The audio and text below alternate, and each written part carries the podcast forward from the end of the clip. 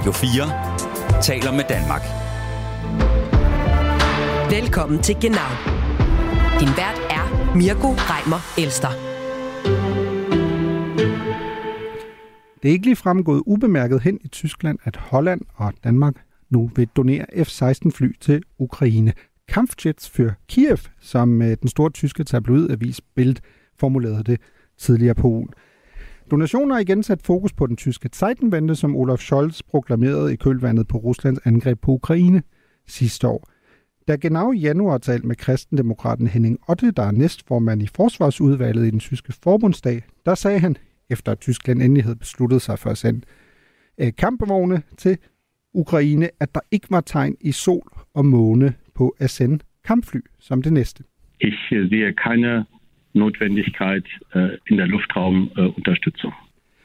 Ja, Henning Otte så i begyndelsen af, eller i slutningen af januar, der så han ikke nogen nødvendighed for at sende kampfly, men nu øh, kører debatten selvfølgelig igen, i og med at danskerne og hollænderne har vist sig at øh, køre i front på lige præcis den her øh, diskussion om kampfly.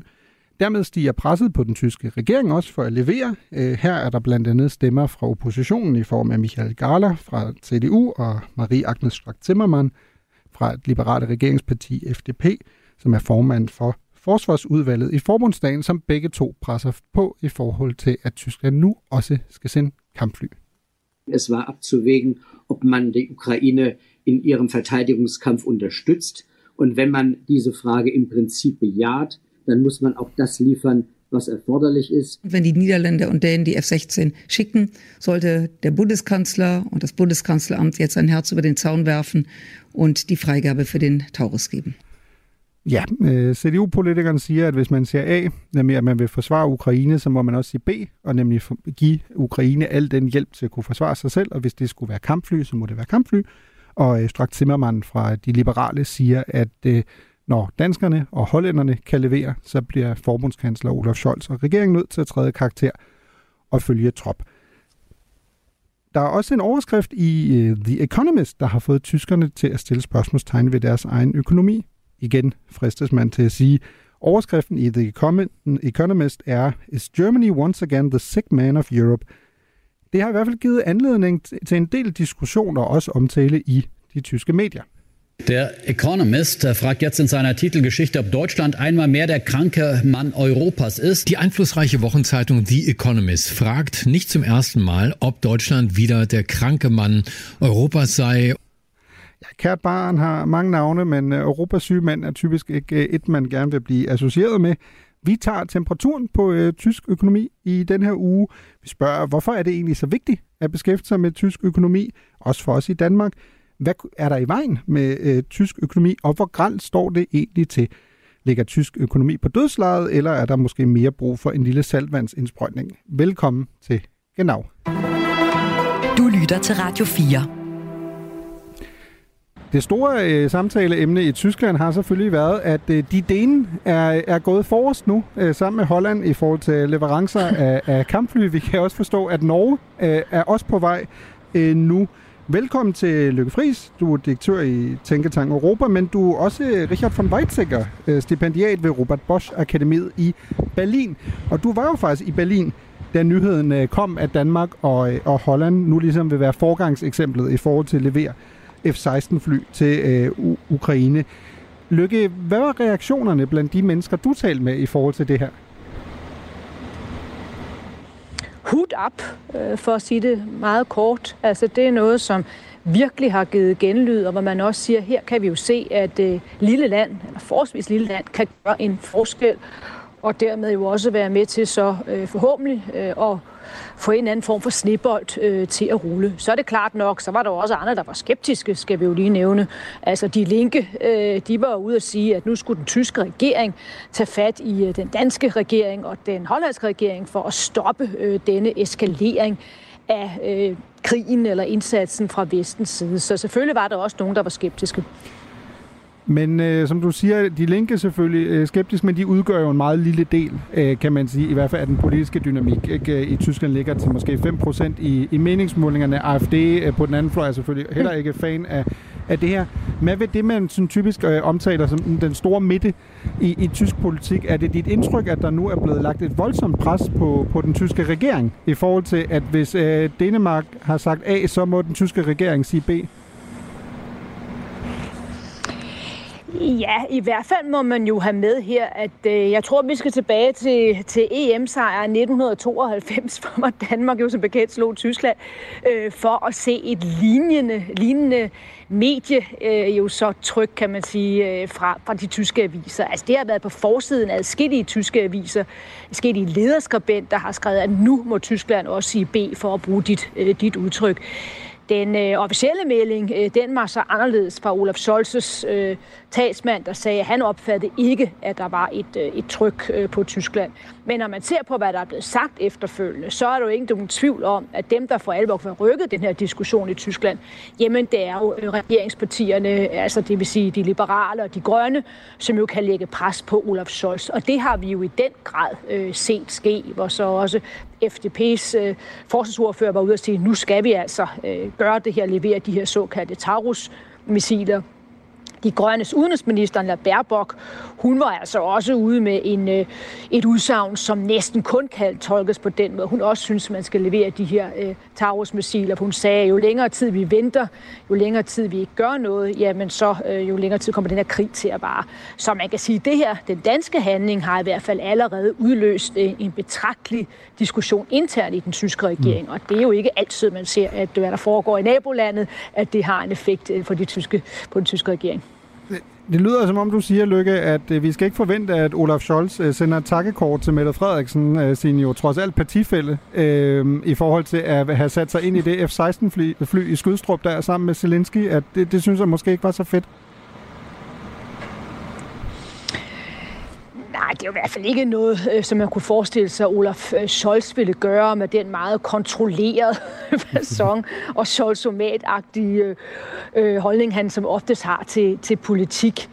Men altså på den anden side, øh, det der er afgørende her for Olaf Scholz, det er jo, hvad amerikanerne siger gør. Så hvis amerikanerne ligesom om begynder at røre på sig øh, mere øh, og lægge pres på, på tyskerne, så ryger hans hovedargument jo, som man altid har med, at vi gør ikke noget alene. Øh, vi ønsker at afvente, øh, hvad, hvad amerikanerne gør. Men der, hvor trykket alligevel ikke er så voldsomt på ham lige her nu, det er jo, at vi skal jo ikke meget mere end, end to uger øh, tilbage, øh, før jo så, at øh, den ukrainske præsident Zelensky jo var ude med en, en tale, en af de der videotaler, hvor han sagde, danke, danke Deutschland, danke Olaf. Så altså, man skal også passe på med nu at se den danske og hollandske F-16-beslutning, som nu er så fuldstændig alene. Det er jo ikke rigtigt. Man ser jo altså også, at Tyskland har leveret betragteligt. Ja, altså du, du peger jo på, Lykke, at der er selvfølgelig den internationale dynamik, hvor det især er amerikanerne, der, der kan lægge mm. et markant pres, men der er jo selvfølgelig også mm. en indrigspolitiske dynamik, hvor øh, opposition jo får en nøglerolle, og i den situation bliver det jo især kristendemokraterne, selvfølgelig CDU, CSU. Øh, jeg vil gerne spille et retroklip øh, for dig øh, fra Genau i, øh, i slutningen af januar, hvor vi talte med Henning Otte, næstformand i Forsvarsudvalget i forbundsdagen. Dengang, du kan godt huske det, retsede diskussion om Leopard-kampvogne til Ukraine, og dengang spurgte jeg. Henning Otte, en ting er, at vi diskuterer kampvogne nu, det kan være, at de kommer en dag. Hvad med kampfly? Lad os prøve at lytte til, hvad Henning Otte sagde den 31. januar i år. Die Lieferung von Kampfpanzern Leopard 2 ist das durchsetzungsstärkste Mittel, was wir zur Verfügung stellen können, neben der Artillerie. Und deswegen gilt es, äh, die Landstreitkräfte zu unterstützen. Äh, meiner Informationslage nach wird der Kampf auf dem Boden entschieden. Und deswegen muss die Unterstützung für die Ukraine auch mit äh, Material gelingen, dass die ukrainische Armee sofort auf dem Boden einsetzen kann. Ich äh, sehe keine Notwendigkeit äh, in der Luftraumunterstützung. Äh, altså, Lykke Henning Otte taler jo klart og tydeligt her, og han siger, at det her er en kamp, der bliver afgjort ikke i luften, men øh, på jorden, og derfor skal vi hjælpe øh, ukrainerne med, med materiel til jorden, men han kan overhovedet ikke se et scenarie for sig, hvor det bliver aktuelt, at øh, der skal øh, fly øh, afsted til, til Ukraine. Er det dit indtryk, at der kommer måske en, en revurdering også af lidt opportune årsager, hvor kristendemokraterne måske vil kunne lægge et enormt pres på lige præcis Socialdemokraterne nu, fordi de er velvidende om, at der er uenighed i den mm. tyske regering i det her kampflyspørgsmål?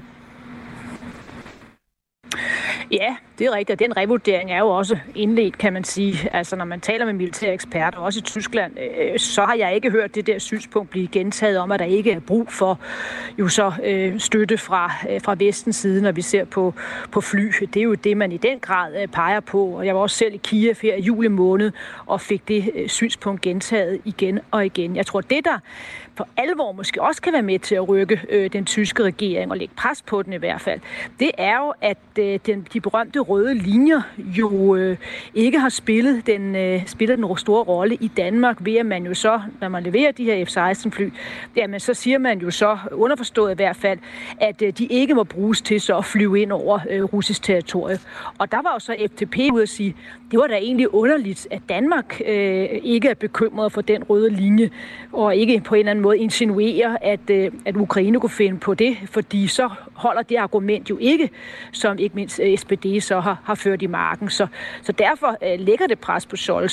Så er der en diskussion gående på, om man så skal komme ved noget felt, hvor jeg ikke er stor ekspert, men altså, hvor man så skal gå ind så og, og kigge på den der på, på Taurus-missilerne, så det ikke kan skyde så langt. Mm. Det er i hvert fald det, som eksperterne er ved at internt i Tyskland nu prøve på at se på. Og det kunne være en måde, hvorpå man så kunne, kunne løse det.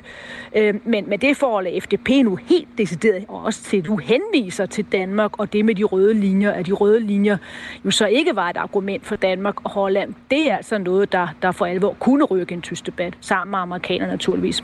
Nå, men Lykke, så øh, lad mig stille et andet spørgsmål her til sidst, som jo er om noget, som ekspert, øh, eksperter hader, og det er et øh, kig i spokhulen øh, spørgsmål, og det er, du taler meget om røde linjer.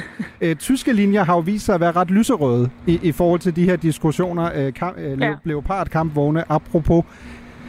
Er det et spørgsmål om tid, før tyskerne blandt andet presset af den danske øh, reaktion nu, øh, også sender kampfly til Ukraine? Ja, nu har det jo med at spille gamle klip, har vi jo lige for konstateret. Så nu skal man passe på, hvad man siger. Nej, men det er min vurdering. Min vurdering er, at, at Tyskland kommer til at levere de her Taurus-missiler. Så kan det godt være, at man, man kommer til at, at ændre i dem, øh, så de så at sige ikke kan skyde så langt. Men jeg har svært ved at se, også som både debatten udvikler sig, men jo også, øh, når man ser på, at, at der jo ikke sker alverden med fronten, så at, at, øh, at Scholz vil, vil rykke sig på det punkt. Tusind så må tak. du ringe til mig igen. det skal jeg gøre, Lykke. Tusind tak for din tid. Lidt. Du lytter til Genau på Radio 4. Velkommen til Henrik Ørholst, erhvervskommentator på TV2 News, og til Philip Schrøder, professor i økonomi på Aarhus Universitet, netop med fra Smilets by. Vi bliver i det forsvarspolitiske, men bevæger os lidt mere over i det økonomiske, som jo også skal fylde mere øh, senere i udsendelsen.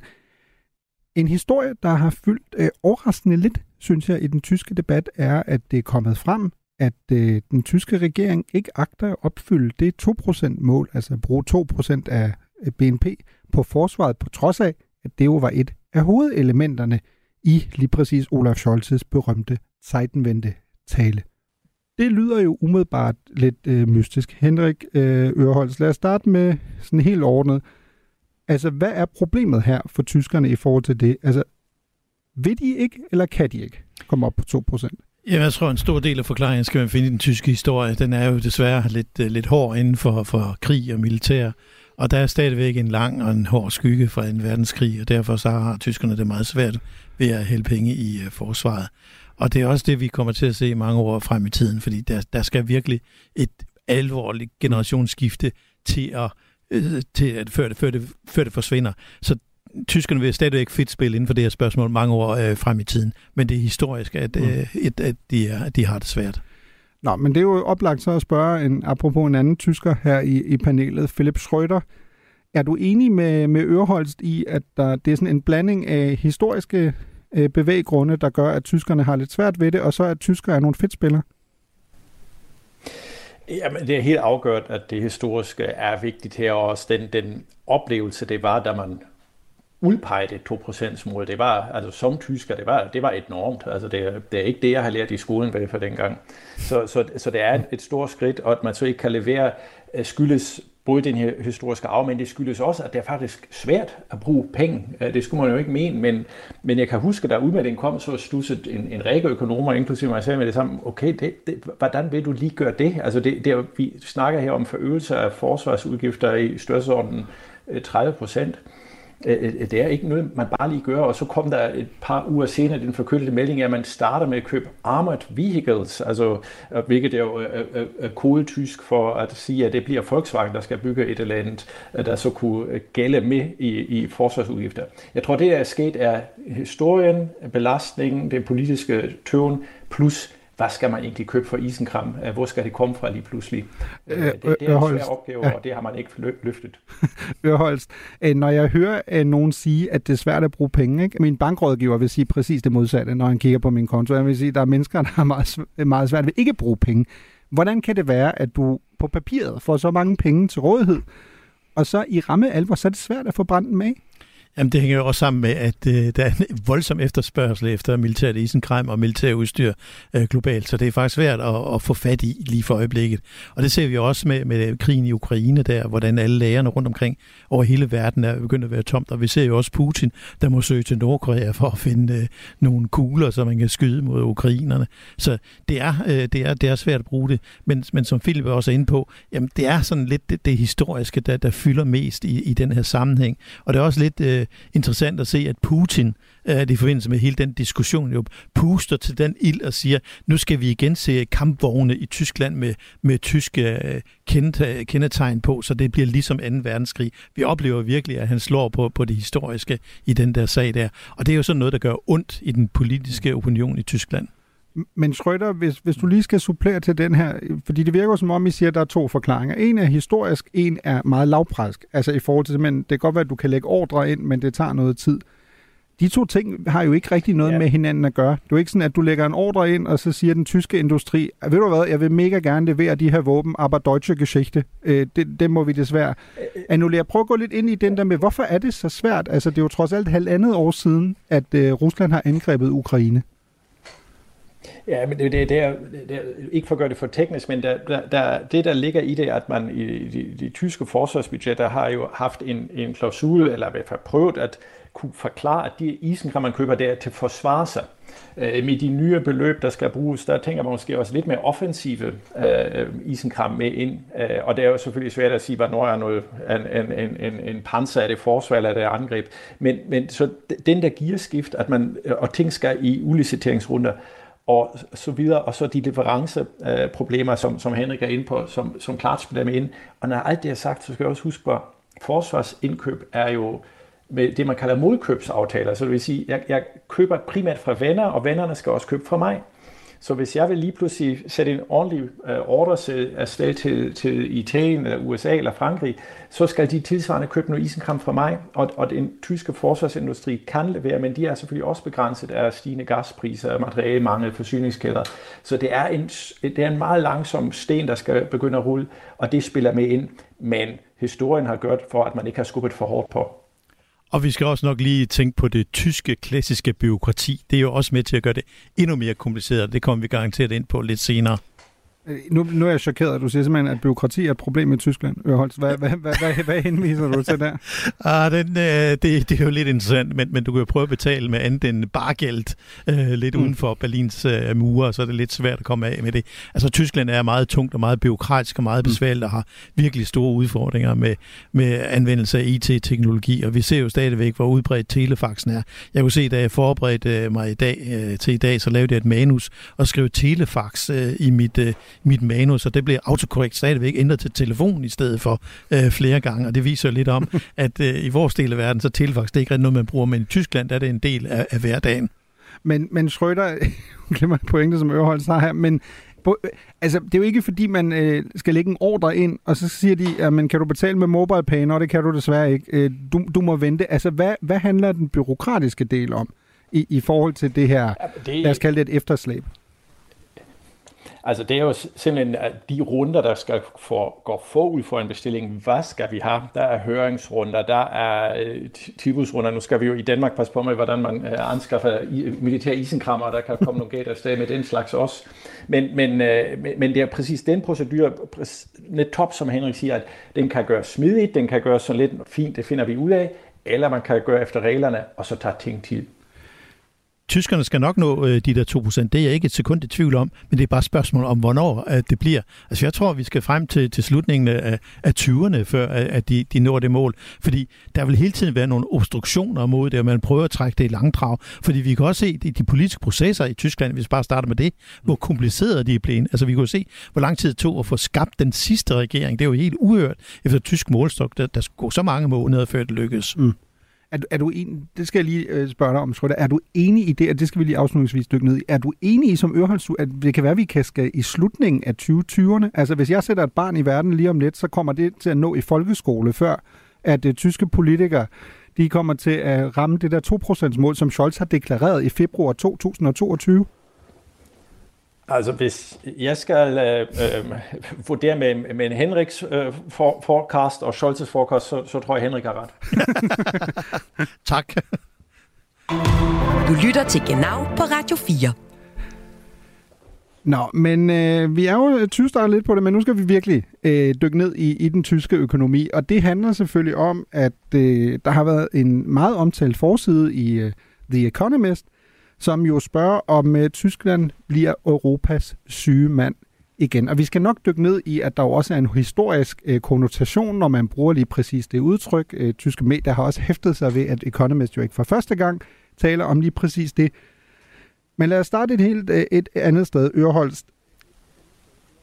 Prøv at svare på det ordnede spørgsmål, som The Economist uh, stiller. Er Tyskland Europas syge mand igen? Ja, det er der ikke nogen tvivl om. Og hvis jeg tager forsiden på The Economist, så ser man et billede af der Ampelmann øh, fra, ja. fra Berlin, hvor han får en blodtransfusion. Og det synes jeg faktisk er et rigtig godt billede af, af tysk økonomi lige nu, fordi de har brug for noget hjælp for at komme videre i det her. Men jeg vil så også sige samtidig, det er alt for tidligt at dømme Tyskland ud og sige, at nu er de virkelig uh, ude at svømme i, i mange årtier. Det vil de ikke være. Tyskland kommer tilbage på fuld hammer, som de har gjort mange gange gennem historien. Så jeg vil ikke være bekymret. Okay, er du enig i det, øh, Schrøder? Altså Ørholz henviser til forsiden, hvor vi lige præcis ser sådan et lyskryds øh, menneske, en mand med en blodtransfusion, og han siger, at Ørholz mener, at det er rigtigt, men han siger også, hvis jeg skal sådan, øh, tale det ind i en medicinsk kontekst, du, tysk økonomi er syg, men er ikke i fare for at dø. Er, hvad siger du, Schrøder? Ja, men det er, det er sådan set, man skal, det er præcis som man skal differentiere det. Altså i virkeligheden, man, det Tyskland har nogle livsstilssygdomme, det kan være, den er overvægtig, det kan være, den der er kommet diabetes på spil osv. osv.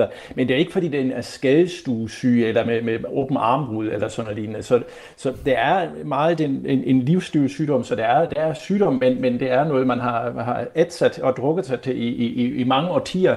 Øh, men, men nu begynder det at, at for alvor gå ud over ens, ens øh, øh, livskvalitet og performanceevne. Så ja, tyskerne er syg, men, men det er ikke en, en akut øh, hospitalsophold, men det er et spørgsmål, hvordan kommer man parat og køl igen? Economist stiller det jo meget hårdt op og siger, okay, Europas syge mand. Hvis man nu, som du også var inde på, Schrøder, skulle differentiere lidt, lad os lave en skala.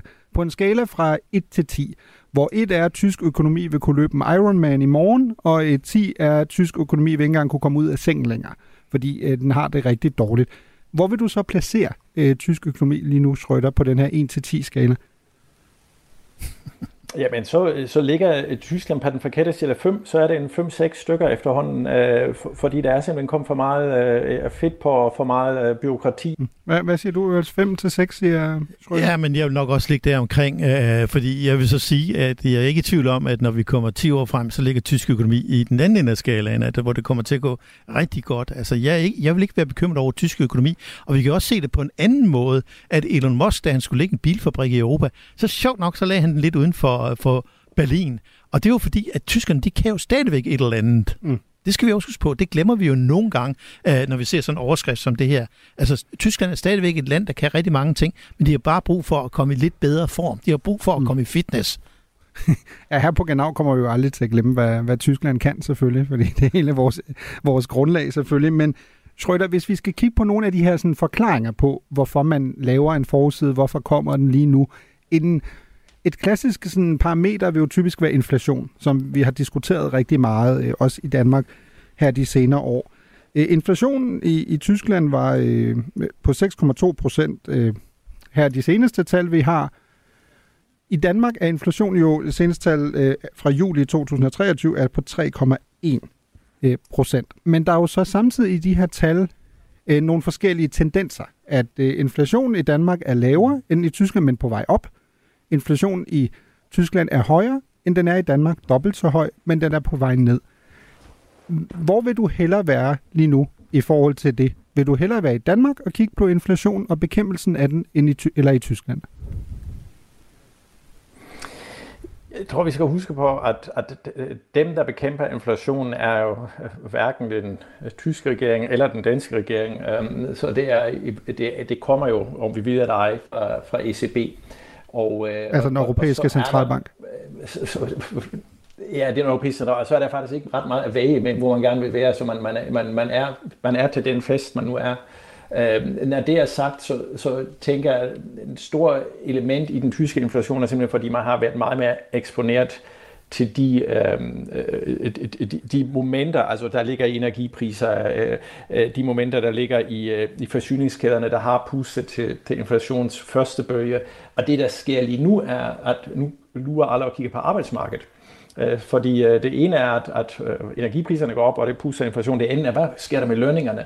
Og der, der kan være en smule bekymret, at, at fornuften i de tyske lønforhandlinger, altså det var svarte trepartsaftalerne i, i, i Danmark, og om, om den holder de næste par sæsoner, forhandlingssæsoner. Uh, indtil videre har den, men, men det, det er den største bekymringspunkt, der egentlig er, om man, om man udlurer tysk konkurrenceevne ved at man ikke bliver enige mellem fagforeninger og arbejdsgiver øh, til, til at have nogle fornuftige reallønstigninger, eller, eller, øh, og derfor ikke puste yderligere i inflation. Så, så derfor vil jeg være, lige nu synes jeg, det er meget trygt at være i Danmark. Okay. For at besvare de spørgsmål. Noget af det, som uh, The Economist jo peger på, i forhold til en af forklaringerne til, at uh, man betegner Tyskland som uh, Europas syge mand, igen Ørholds, det er jo, at Tyskland skulle have investeret alt for lidt i sin, blandt andet i sin industri. Uh, kan du dele den analyse? Helt klart, altså jeg vil der gør det lidt skarpere at sige, det de mangler at investere i, det er high-tech, det er der, hvor det kniver rigtig meget, mm. og man kan se det i dagligdagen. Altså, I husker stadigvæk uh, sidste sommer, jeg var i München med en god kammerat, og så skulle vi tage toget fra München uh, ned til, til Bodensee, og der var der altså flere steder undervejs, hvor der ikke var dækning på internettet. Altså, man kunne ikke komme man kunne ikke bruge sin mobiltelefon. Mm. Og jeg kan også se, når jeg får min bil serviceret i Flensborg, altså hvordan det er at komme på wifi nede på værkstedet, det er altså Mercedes, et stort Mercedes-værksted, det virker altså heller ikke. Jo, man får sådan et skrabelod, hvor man kan få en kode, at det, det er meget øh, besværligt. Så tysk øh, industri savner ikke at industri, øh, investere i, i god gammeldags industri. Det, de savner at investere i, det er mere teknologi, altså på, mm. på højt niveau. Vi, vi savner flere højtech virksomheder nede i Tyskland, og det er også derfor, det er lidt ironisk, at en af verdens største ERP-virksomheder, SAP, øh, mm. kommer fra Tyskland, ikke? Øh, fordi det har været virkelig gode. Men det har virkelig været noget, som der kniver rigtig meget. Og vi ser også bilindustrien, hvor svært de har haft mm. ved den her omstilling til elektriske biler. Og det er den der teknologi, hvor man er kommet bagud med, med det. Så jeg kan godt tænke mig, at tyskerne de bliver sådan lidt mere orienteret mod Kalifornien og Berlin i deres måde at tænke på, fordi det er det, der er brug for nu. Mm. Ja, Schröder, det lyder jo ikke så godt, når Ørholst beskriver vejen fra München til Bodensee, som om man kørte i trekantsområdet i, i Danmark i forhold til mobildækning. Men uh, The Economist uh, siger, skriver jo, at uh, Tysklands investeringer i informationsteknologi, er, hvis man måler det som en del af BNP, er cirka kun halvdelen af, hvad man bruger i uh, blandt andet USA og, og i Frankrig. Hvis de tal er korrekte, hvorfor bruger man så så lidt øh, når man hele tiden øh, får øh, fortalt, at vi lever i et informationssamfund, og det er ligesom hele den teknologiske revolution. Altså, hvordan kan øh, landet, der gav os sloganet forsprung durch teknik, være så langt bagud på det parameter? Ja, altså det skyldes øh, selvfølgelig flere ting, men det ene er, at man faktisk bare ikke har haft behov for det, og, og derfor kommer det der enorme øh, Øh, investeringsefterslæb, og det er jo præcis som, som, som I beskriver, det er jo øh, på infrastrukturen. Det er sådan set en gang investering i industrien, for industrien, hvis de er gode idéer, de skal nok kunne skaffe sig penge, men det er vidderligt i infrastruktur, øh, dækning af internettet, øh, motorveje, jernbane. Altså, hvis bare man har været i, i, i øh, en tur sydpå her i den her sommer, så, så kører man 60 km i timen hen over øh, uh, Rendsburger Brygge øh, øh, i, i, i Kilderkanalen. Ikke? Altså, og, og det skyldes, fordi man ikke har vedligeholdt den, den bro i, øh, i, i alt for mange årtier. Så det er det efterslæb. Uh, og, og det er opstået simpelthen, fordi man Øh, har sigtet efter en meget ansvarlig finanspolitik. Uh, så er der jo stadigvæk nogen, der piver højt, og det er jo, der piver højst for olien og så er det lettest at skyde investeringer i infrastruktur ud. Så derfor står de bedst i køen, og det har nu akkumuleret til et meget pinefuldt scenarie, hvor togene ikke kører til tiden, hvor man ikke kan komme online, øh, hvor virksomheder rent faktisk ikke har adgang til den infrastruktur, de skal have for at kunne lave forretning, der kan løbe rundt. Altså, man har jo også tysk økonomi et udtryk, der hedder Schuldenbremse. Mm. Altså, at man ikke må bruge alt for mange penge og låne for mange penge, og der er svart til nul, at tingene skal hænge sammen og balancere. Det er i princippet en god ting at have balance på ens budget, men det betyder også, at man kommer til at forsømme nogle investeringer, fordi det her underskud på offentlige budget, det er ikke altid negativt, hvis det bliver investeret i, i fremtiden. Vi ser nogle af de øh, år i Danmark, hvor, hvor vi havde store underskud på, på de offentlige budgetter. Det var også år, hvor vi fik virkelig investeret i infrastrukturen. Noget, som man kunne høste mange år efter. Og det er det, som tyskerne de mangler lige nu, som Philip også inde på før. Men der er jo et, et paradoks her på en eller anden måde, at Tyskland er jo igennem øh, mange årtier jo blevet beskrevet som en nærmest form for politisk øde ø, at der var alle de her omvæltninger i Europa politisk, øh, højredrejninger, venstredrejninger, og så havde man Tyskland i midten med Angela Merkel, der i søvne kunne få fire år mere, og hun kunne sige, hvad hun ville. Så man havde så meget politisk stabilitet, man havde en øh, ofte en GroKo-regering med enorme politiske flertal, og alligevel peger I begge to på, at på et tidspunkt, hvor der burde være enormt meget politisk handlerum til faktisk at få ting igennem, og hvor man har ansvarlige øh, gamle folkepartier, der sidder i midten, en centrum, centrum højre parti, centrum venstre parti, så har man alligevel øh, ikke fået noget af hånden. Altså, hvordan er det en del af forklaringsrøtter, at man har simpelthen sovet i timen, på trods af, at man politisk havde forudsætningerne til faktisk at få Tyskland ind i det 21. århundrede? Hvis Emil Schröder er... Han, for, han forsvandt ind i det 21. århundrede. Kigger lige op. Så er jeg på. Så øh, Schrøder, nu øh, en totalt god metafor for udsendelsen. Nu, øh... ja, det tænker det er meget stærkt. Det, det digitale netværk i Danmark, det kører bare. Så. Ja, det er jo en, en god metafor, vi har for vores diskussion her om at komme ind i det 21. århundrede, fordi øh, Philip Schrøder, din forbindelse via nettet har simpelthen været så dårlig, at øh, vi nu bliver nødt til at bruge en helt klassisk telefonforbindelse. Men jeg går ud fra, at du ikke står i en telefonboks i det mindste. Nej, dog, dog ikke, og jeg kommer heller ikke til faxe mine kommentarer ind til dig, så, så vi, vi bruger telefonen. Nej, det var, det var altid noget. Nå, men Schrøder, det var jeg i gang med at, at spørge dig om. Det var jo et uh, spørgsmål om, hvorvidt, at jeg kan simpelthen på en måde ikke forstå det her paradoks, der ligger i, at Tyskland har haft så stabile politiske forhold, især sammenlignet med resten af Europa, og dermed jo egentlig burde have haft gode forudsætninger for at vedtage store reformer, fordi man havde det store centrum højre og det store centrum venstre parti i regeringen de fleste af Angela Merkels år. Og alligevel har der jo været det, man med et tysk udtryk kalder reformstav. Altså der har simpelthen været en blokering i forhold til at få vedtaget de store nødvendige reformer for Tyskland til at kunne komme ind i det 21. århundrede. Hvorfor? Jeg tror, det der sker og har udløst den her reform så i Tyskland, simpelthen, at man ikke kunne se og ikke kunne mærke det som et dramatisk event. Hvis du, hvis du kigger på de historiske episoder, som, som vi allerede var ind på før, altså hyperinflation, der kunne folk jo se øh, tilbage i 1920'erne, der kunne folk jo se, at, at, at deres penge mistede værdi på vejen fra, fra fabrikken til, til, til købmanden. Øh, hele Wirtschaftswunder i 50'erne efter en verdenskrig, kunne se alt var ødelagt, vi skal starte forfra, og ikke mindst øh, hartz-reformerne i nullerne, der har Tyskland ramt 5 millioner arbejdsløse, det vil sige flere mennesker uden, uden arbejde. Dobbelt så mange mennesker uden arbejde i Tyskland, som, som der er danske arbejdstager. Ikke? Så, og, og, og de der dramatiske typer tal, de har så gjort, at man kunne tage sammen til reformere. Og det mangler vi. Du mangler i tysk økonomi den der tydelige tegn på, det er der ene variable, du kan kigge på og sige, hov, nu skal vi gøre noget ved infrastrukturen. Øh, Wake-up callen kom under corona. Øh, skolerne kunne ikke køre videre, fordi de ikke var digitaliseret. I Danmark vi kunne køre videre mandagen efter. Øh, og, og, og de her små episoder, de bliver hurtigt glemt, øh, og derfor tager du der eksamen og opgraderer og flytter tysk økonomi til nutiden. Men det er jo også det, der gør det endnu mere paradoxalt, Øreholds, fordi at mange troede jo, at corona vil være et wake-up call, fordi det blev så tydeligt, at jeg boede i, i Tyskland under corona, det var jo så tydeligt, at når du fik lov til at krydse grænsen til Danmark, så kom du ind i det forjættede land, øh, sammenlignet med, hvordan tingene foregik i, i Tyskland. Men corona er jo nogle år siden, og nu har vi jo lige fået tal fra FAZ, der, øh, der kan afsløre, at de penge, der bliver afsat til digitalisering i Tyskland, som jo ellers var øh, et nuværende regerings et af de store projekter, at øh, nu skulle man lige præcis ind i det 21. århundrede, der står man åbenbart til at hvis skære i for Indrigsministeriet vil skære i forhold til de midler, der skal bruges fra 377 øh, millioner euro, der er blevet brugt i 2022 på digitalisering, og det vil man simpelthen skære ned til 3 millioner euro i øh, det kommende år. Det lyder totalt sindssygt. Det er også fuldstændig vanvittigt, og, og det man er i gang med nu, det er man er i gang med at lappe taget i, i regnvejr, og det er jo det forkerte tidspunkt at lappe taget. Altså den, det tidspunkt, hvor man skulle lappe tag, det var med uh, David Cameron, den tidligere britiske premierminister, ord, man skal altid lappe taget i solskin.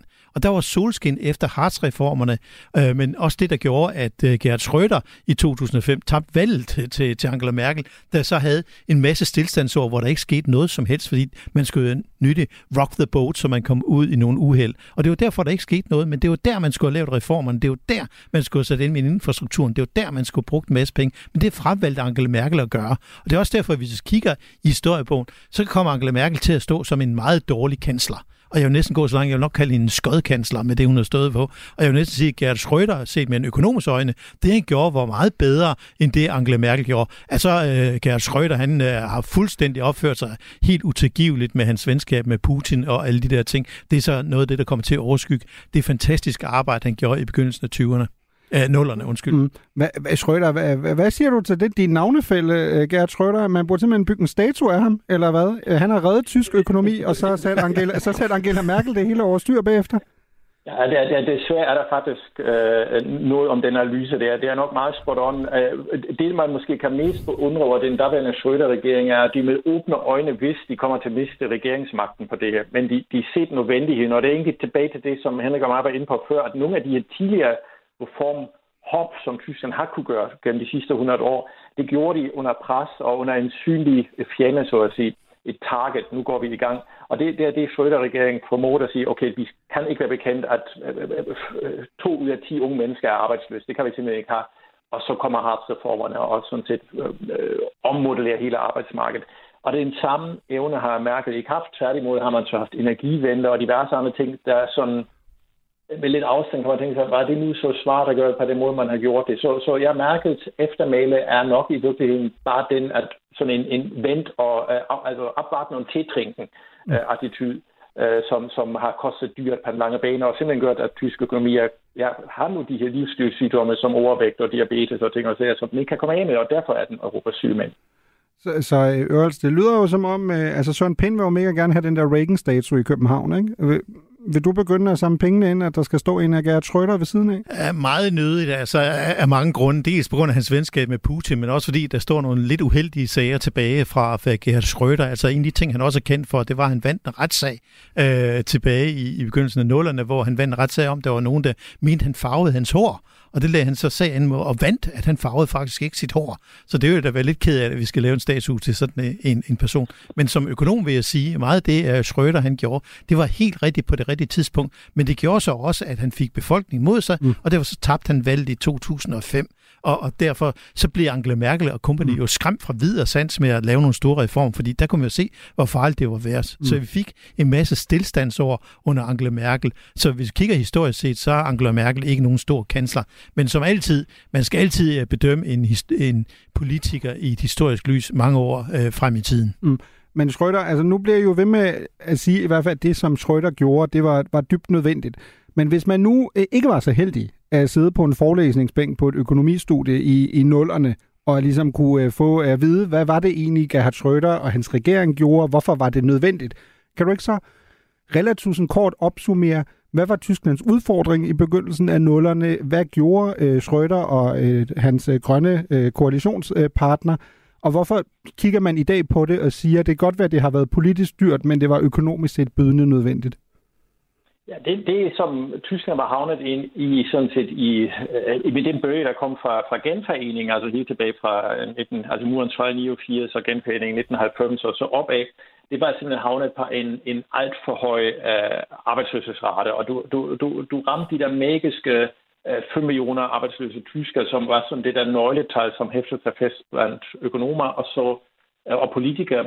Og så havde du også et udfordring rundt omkring øh, ungdomsarbejdsløse. Der var øh, lidt ligesom man ser det i nogle af de sydeuropæiske lande i, i, i øh, godt på vej op i dag. Så Og det er, i det scenarie, at man siger, fint, så, så er der noget galt med vores arbejdsmarkedsindretning, og man laver en stor pakke, som herr Hartz, som kommer fra privatsektormanagement, øh, sådan set står for derfor navnet Hartz-reformerne, hvor man blandt andet siger, at det kan jo ikke passe, at, øh, at, øh, at, en, at man ikke kan få for eksempel en person til at komme og købe en tech. Jeg ved ikke, om det lyder bekendt i Danmark. Øh, at man, så, der kommer de her to søjler, den står på, det er en eurojob, som er ført meget ud i debatten, og som bliver også meget kritiseret, nemlig at vi må sørge for, at der kommer et, et arbejdskraftsegment, øh, hvor det ikke er de høje tarifæraftalte øh, øh lønniveauer, øh, simpelthen for at få noget fleksibilitet tilbage øh, i arbejdsmarkedet. Og det andet er, at man gik benhårdt efter at modernisere og vedligeholde uddannelsessystemet. Og det, den sidste søjle, den, den bliver, fylder ikke meget i medierne, men det er faktisk en af de styrker i hartsreformerne, at man har beværnet sig rundt omkring fagkraft. Øh, selvom der er fagkræftemangel i Tyskland i dag, det ville være langt værd, hvis ikke man havde haft hartsreformerne, der virkelig øh, gav den gas på at have det her samarbejde mellem fagforeninger og arbejdsgiver til at designe fremtidens øh, uddannelser. Så, så den, den kørte på flere hjul, men det den er mest kendt for simpelthen at gøre arbejdsmarkedet fleksibelt igen. Men det er da også interessant med, med de her hartreformer der øh, under, under den gode Hartz. Han var jo HR-direktør hos Folkevogn, ikke? og det viser meget godt det der tætte samarbejde, der er mellem tysk industri og tysk politik. Og vi ser jo også Folkevogn, hvor mange repræsentanter man har i bestyrelsen hos Folkevogn, der kommer fra, fra, det, fra kommunen i, i Wolfsburg og Baden-Württemberg, eller undskyld, i, øh, nu kan jeg ikke huske, hvad for Niedersachsen. Niedersachsen, undskyld, hvor, hvor, tysk, øh, hvor, hvor Folkevogn ligger.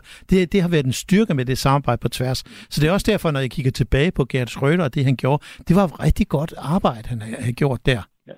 Men øh, Schrøder, jeg tænker i forhold til det, som Ørholz siger, hvis man skulle udfordre det lidt, så har en af kritikpunkterne på øh, det præcis hartsreformerne jo været, at det kan godt være, at du har fået en masse mennesker ud af arbejdsløshedsstatistikken, men du har skabt en meget, meget stor sektor af det, man kalder working poor. Altså folk, præcis. der på papiret får et arbejde, men som ikke vil kunne leve af det. Øh, altså, hvis jeg skal tage et personligt eksempel, min egen mor var både kassedame og arbejdede på en tankstation ved siden af, fordi det at arbejde i et deltidsjob som kassedame vil kunne være nok til at kunne brødføde en familie med to børn. Hvor, hvor står du i den diskussion, altså i forhold til, var det nødvendigt, men skabte det så måske et, et utilsigtet problem, eller var det øh, måske, som det jo ofte er, når man laver politik, øh, stadig den sådan, hvad kan man sige, mindst dårlige løsning dengang med hartsreformerne? Ja, det er, det er det sidste, det er, fordi vi skal, øh, og, og det var også derfor, at retsreformerne på og fik så meget kritik, fordi de, de øgede uligheden i Tyskland. Uh, de skabte den her klasse af working poor. Men der er også, hvis man kigger på det nu, en, en, har det også vist sig meget fleksibelt til at skabe for eksempel indslusning. Um, altså hvordan øh, for eksempel uh, folk, der tilflytter fra udland uh, til Tyskland, uh, som jo ikke kan komme nødvendigvis på en, en startløn til en øh, fagarbejder øh, startløn lige med det samme. Så den har også derfor åbnet nogle døre. Men det er koldt og kynisk nationaløkonomisk, at det har været en, en vindersag, og det rigtige, det er for den enkelte selvfølgelig en katastrofe at, at være på Hartz 4. Altså det er jo, øh, øh, det, og det er helt uhørt i en, i en stat, der praler af, som set har under Bismarck opfundet øh, en social brudfartsstat. Øh, så, så, øh, og, og Hartz 4 har virkelig undermineret det, øh, men med en økonomisk logik og økonomisk nødvendighed. Og det var også lige præcis derfor, at Gert Schröder han tabte i 2005. Og det er også noget af det, vi ser øh, meget den diskussion, der er i dag ikke med, med Alternativ for Deutschland, der er rimelig meget vind i sejlene. Det ser jeg også lidt som en slags tysk udgave af de gule veste, ikke? Hvor, hvor man ser, at dem, der har de her skodjobs, de begynder at reagere på det. Og vi ser jo også der, hvor Alternativet for Deutschland, det står stærkest. Det er det gamle Østtyskland, som har haft det meget svært det, de mm. sidste 25 år. Ja, altså jeg tror kritikere af AFD vil måske mere kalde dem de brune veste i forhold til, hvor højere, hvor højere radikale de er, men, øh, men jeg, jeg forstår godt uh, din pointe, Ørholst. Noget af det, jeg synes, der er interessant i forhold til det her, er jo også perspektivering i det. Du var lige inde på det, Ørholst, at der er jo dem i Tyskland, der nu siger, vi havde Agenda 2010, som var en del af, af Schröders politiske platform, som uh, Hartz-reformerne også bliver kendt under, måske er der behov for en agenda 2030 nu. Altså, hvad gør tyskerne nu for ligesom at lige præcis toptune økonomien? Schröder, hvor står, hvor står du i den debat? Altså, er der behov for, at Olaf Scholz måske bliver lidt inspireret af Gerhard Schröder? Det kan godt være, at der skal gøres noget, som kan være øh, rygende upopulært, så kan være, at han ryger ved det næste valg, men hvis man ligesom vil fremtidssikre tysk økonomi, så burde man sætte det højere end sin egen politiske karriere. Det er præcis der, Tyskland egentlig står. Men, men når man så kigger på de første regeringsår under Scholz, så er der jo ikke meget håb for det. Hvis på lige bare, hvis man kan spole lidt tilbage og sammenligne lidt med de sidste par danske regeringer, der uden undtagelse har de haft en reformdagsorden enten det var omkring produktivitet, eller om, om nye teknologier og disruption, øh, eller om øh, revolution af, hvad vi er, universitetsuddannelse, eller hvad det nu måtte være. Man, så der findes ikke en, en, en, en dansk regering, der ikke på sin agenda har store reformdagsordner. Og, og det går man der til vej med, eller man prøver at køre det igennem, mens man, mens man siger det. Under Merkel, der var ingen reform, der, var energivente, men, men, men det var bare en vision. Der var ikke noget strategisk øh, øh, øh, øh, plan bag det, og det er det, hvor Scholz-regeringen burde have leveret egentlig fra dag et. Men er jo i en konstellation, hvor jeg har svært med at se, at de, at de kan lykkes med rent faktisk pænt den reform, jo, der, der mangler. Men der synes jeg, det er interessant at prøve at sammenligne Danmark med Tyskland med, med hvordan man tager reformer. Hvis vi prøver at se i Danmark, det er vi gode til at tage reformerne lige så stille, uden de helt store svære slag. Øh, når der kommer store forandringer i Tyskland, så skal det altid være meget voldsomt, ikke? med nogle meget store ting. Øh, nogle krige og hyperinflation og genforening og øh, kæmpe arbejdsløshed. Så kommer reformerne. Så, så der skal ske en eller anden stor katastrofe i Tyskland, før at det, det begynder at rykke. Og det er også det, som en af mine studerende sagde engang, man skal stå med ryg mod muren, før man kan se skriften på væggen. Og, og, og det er lidt svært for tyskerne i tysk politik. Der har man lidt svært ved det der, man fedt spiller for meget, men hvis der kommer en eller anden stor ulykke, så skal Tyskland nok komme ovenpå igen. Schrøder, hvad er det for noget, Ørhold siger? Det lyder, han, han, han siger jo i bund og grund, at, at typer som dig og mig, sådan nogle tyskere, vi er sådan nogle, øh, sådan nogle drama queens. Altså, vi, er sådan nogle, vi skal vente til det står totalt gralt til, øh, fordi vi simpelthen... Altså, vi var kørt direkte ind, hvis vi var Titanic, vi var sejlet direkte ind i det isbjerg, før vi havde gjort noget. Ja, men det, jeg, jeg frygter, at Henrik har ret, men jeg vil kun, kun kunne rette sig, at man skal stå med maven til, til, til muren for at kunne øh, på væggen. Men, men, men bortset fra det er det fuldstændig spot on, at der, at der, simpelthen, der kommer så meget spænding i de tektoniske politiske plader i Tyskland, før det så rokker sig og rykker sig, og, der, og andre lande er meget mere øh, øh graduelt i deres sikring Danmark som en kraftig eksempel. Jeg tror, en af årsagerne er, at det er sådan, er både, at tyskerne er jo for, for øh, er, er flinke og behageligt, og vil ikke, ikke øh, er, øh, måske forstyrre de andre, men jeg tror, det er også det federale system, der simpelthen gør, at det er ekstremt svært at finde fælles fodslag. Øh, fordi du, som minimum har du altid Bayern, der siger det modsatte, ikke? Mm det er klart, og der kan man sige, at Tyskland er bare sådan en kæmpe udgave af Belgien på en eller anden måde med, med det der, fordi Belgien har jo også et hav af regeringer og forskellige sprogområder, så det er jo mm. svært at holde sammen på det. Men bare lige for, for at runde af, det er jo sjovt, når Tyskland kommer igennem de der meget store ting, de der næsten revolutionsagtige ting, så spreder det sig til hele verden, og så får vi jo alle sammen glæde af det. Mm. Så, så når Tyskland tager tævne, så er det os andre, der kommer til at score på det senere. Mm. Jo, tak men... for det til jer tyskere. Nej, men omvendt øh, plejer man jo også, øh, der er jo det her øh, ordsprog blandt økonomer, at hvis den amerikanske økonomi nyser, så får resten af verden en forkølelse. Ikke? Og der er vel noget om snakken i forhold til det europæiske perspektiv også her, fordi en af kan man sige, det er klart, at et program som Genau, som er et Tysklands program, gerne vil tale om tysk økonomi, men der er vel også en meget klar relevans for Danmark her. Altså, hvad betyder det, hvis alt det peger på øh, manglende vilje, politisk vilje til at lave reformer og andet? Hvad for nogle konsekvenser kan, kan det få for, for dansk økonomi, Schrøder? Ja, men det bliver jo stagnation på et højt niveau, øh, og det, øh, der, der Economisten peget på, på ja, version 2.0 af Europas syge mænd og, og de, de problemer i, i, i Tyskland rundt omkring ja, infrastruktur og det, vi har været igennem. Der er første reaktion for en læser som mig er selvfølgelig, at britterne skal være nye i snak. De, har det, de, de kører det også af helvede til. Men når det er sagt, så skal man huske på, Resten af den europæiske økonomi er altså dybt afhængig af, af, af den tyske performance. Og ikke bare, som vi altid tror, når vi skal sælge ting til dem, men så særligt også, fordi der er faktisk rigtig meget positiv afsmændende effekt af de teknologiske landvindinger, der kommer fra Tyskland øh, og spreder sig gennem Europa, gennem de underleverancer, der ligger i kapitalapparat. Altså de maskiner, der står i Herning og producerer, den maskine er formodentlig enten fra Japan eller fra Tyskland. Så, så, og der, der, den er også leverandør til, at vi andre kan performe både i værdikædebetragtning og så sandelig også i efterspørgselsbetragtning. Og hvis den kandidat skrænder, hvis den er lidt overvægtig og lidt for langsom på banen osv., jamen så kan vi andre heller ikke performe så godt, som vi ellers ville have kunnet. Og det går ud over vores levestandard. Vi kan jo bare kigge på, øh, hvem vores største eksportland er. Nummer et, det er USA. Nummer to, det er Tyskland. Så hvis Tyskland går ned i gear, så vil det jo lynhurtigt ramme os her i Danmark. Men det er også rigtigt, der ligger også en masse store påvirkninger på inf- for dansk infrastruktur, hvis det går galt i Tyskland. Men der ligger også nogle kulturelle påvirkninger. Fordi hvis vi prøver at se, øh, den den måde, som dansk uddannelsessystem er skruet sammen på, mange af de der ting, vi gør i Danmark, det kommer jo fra Tyskland. Ikke? Så hvis, hvis det land, der vores nærmeste nabo kommer i krise, så rammer det os også kulturelt på en eller anden måde mm. på, på lidt længere sigt. Schrøder, det lyder jo som om, vi kan blive enige om, at vi burde sende nogle hurtige sko altså til Tyskland i forhold til at få fart på, i forhold til øh, digital transformation, øh, grøn omstilling osv.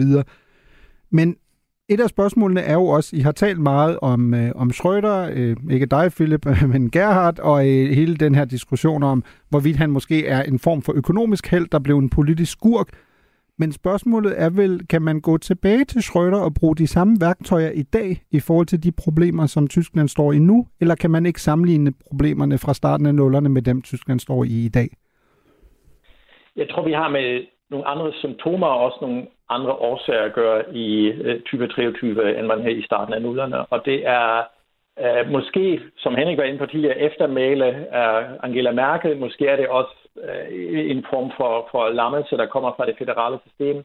Men det er de her underinvesteringer i infrastruktur, under investeringer i uddannelses- og universitære og uddannelsessystem, øh, under investeringer i børnepasning blandt andet, som er jo en katastrofe også i, i store mm. dele af Tyskland.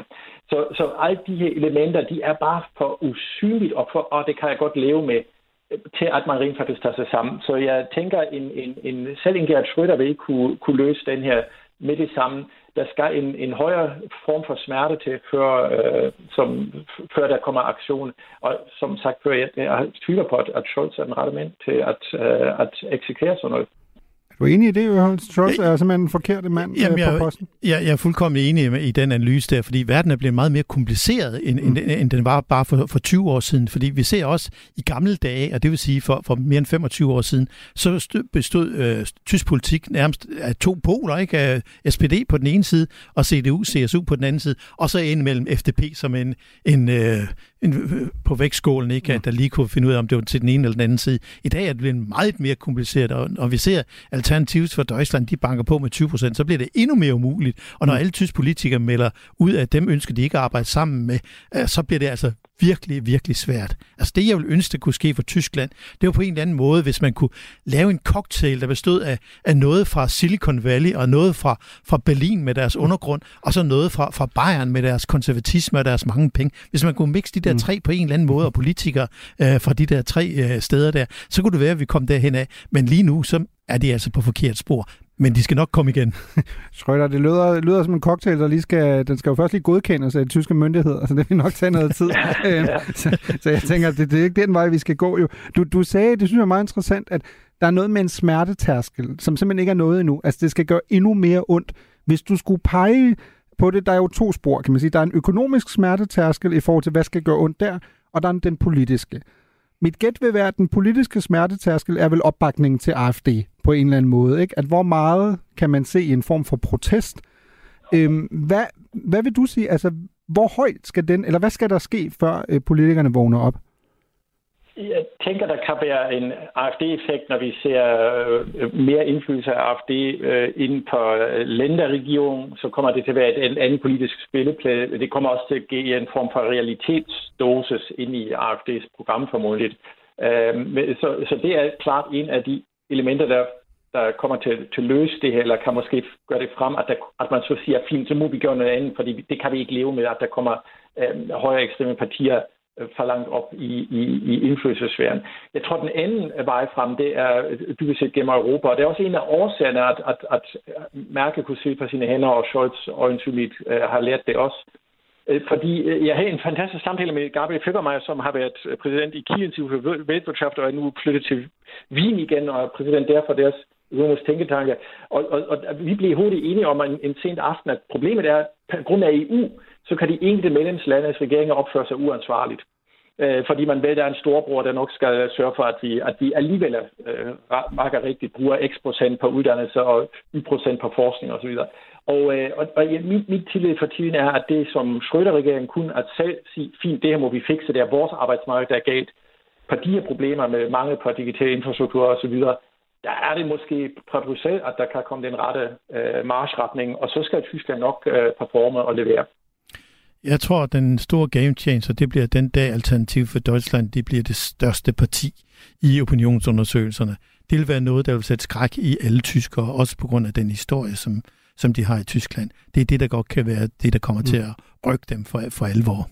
Tusind tak til jer begge to, Henrik Ørholst og Philip Schrøder. Du lytter til Genau på Radio 4. Her på Genau døjer vi hverken med sygdom eller lav konjunktur. Til gengæld vil vi til enhver tid foretrække kampfly frem for privatfly, særligt når disse flyver fra St. Petersborg til Moskva. Tak til ugens gæster og til tilrettelægger Anne Dorte Lind. Genau er modsat Wagnergruppens ledelse tilbage i næste uge, dog ikke i nærheden af Moskva. Til gengæld vil vi ligesom de prinsen gerne være millionær. Auf Wiederhören. Ich wär so gerne Millionär, dann wär mein Konto niemals leer. Ich wär so gerne Millionär, Millionen schwer. Ich wär so gerne